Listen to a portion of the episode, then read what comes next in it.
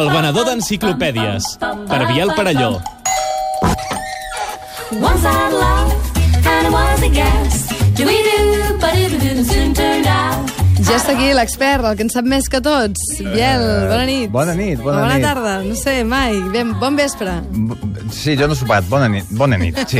Bona no he nit. sopat encara. Doncs- D'acord, avui ciència ficció, t'ha agradat o no? Sí, sí, tema? sí, sí. Però tu segur que has escrit un llibre, no? Eh, sí, sí, de fet he vingut per això. D'acord. Eh, mm, bueno, en, realitat no és un llibre, és una carta al director que vaig escriure al diari Ara, no me la van voler publicar, i llavors la vaig publicar al Washington Post. Ah, molt bé. I Eh, en català o... En català. O te la va traduir En el. Google Plus? Um, la van traduir, llavors no sé si es van inventar... Parlava sobre la, justament sobre la ciència-ficció catalana, que és un tema que, que, que m'interessa i m'enerva alhora, perquè la ciència-ficció és un terreny on es poden de- desemmascarar els impostors. Com a impostor vull dir escriptor. Els escriptors mediocres és allà on rellisquen normalment.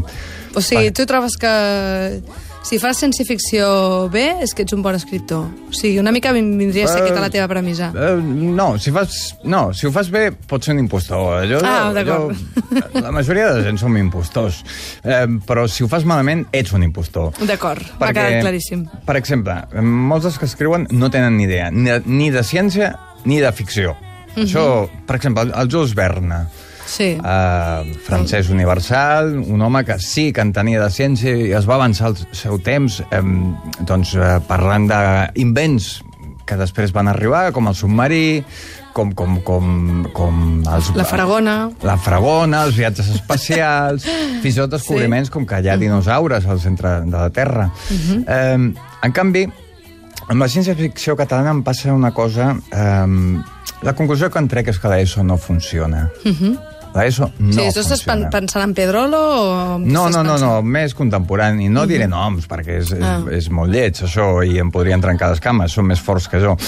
Però eh, quan em trobo un escriptor, el que faig normalment, algú que s'autodenomina escriptor, li pregunto, t'has preguntat mai com funciona el Sol?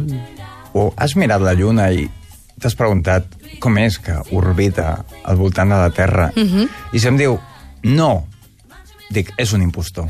Ah, d'acord, només amb això, eh? Ja ho tinc clar. Si no és un ésser romàntic, no pot fer bona ciència-ficció. No és romàntic, és curiositat. Si tu no t'encurioseix una cosa que tens allà dalt, no pot ser. Jo no em crec res del que escriguis. Per tant, ets un farsant.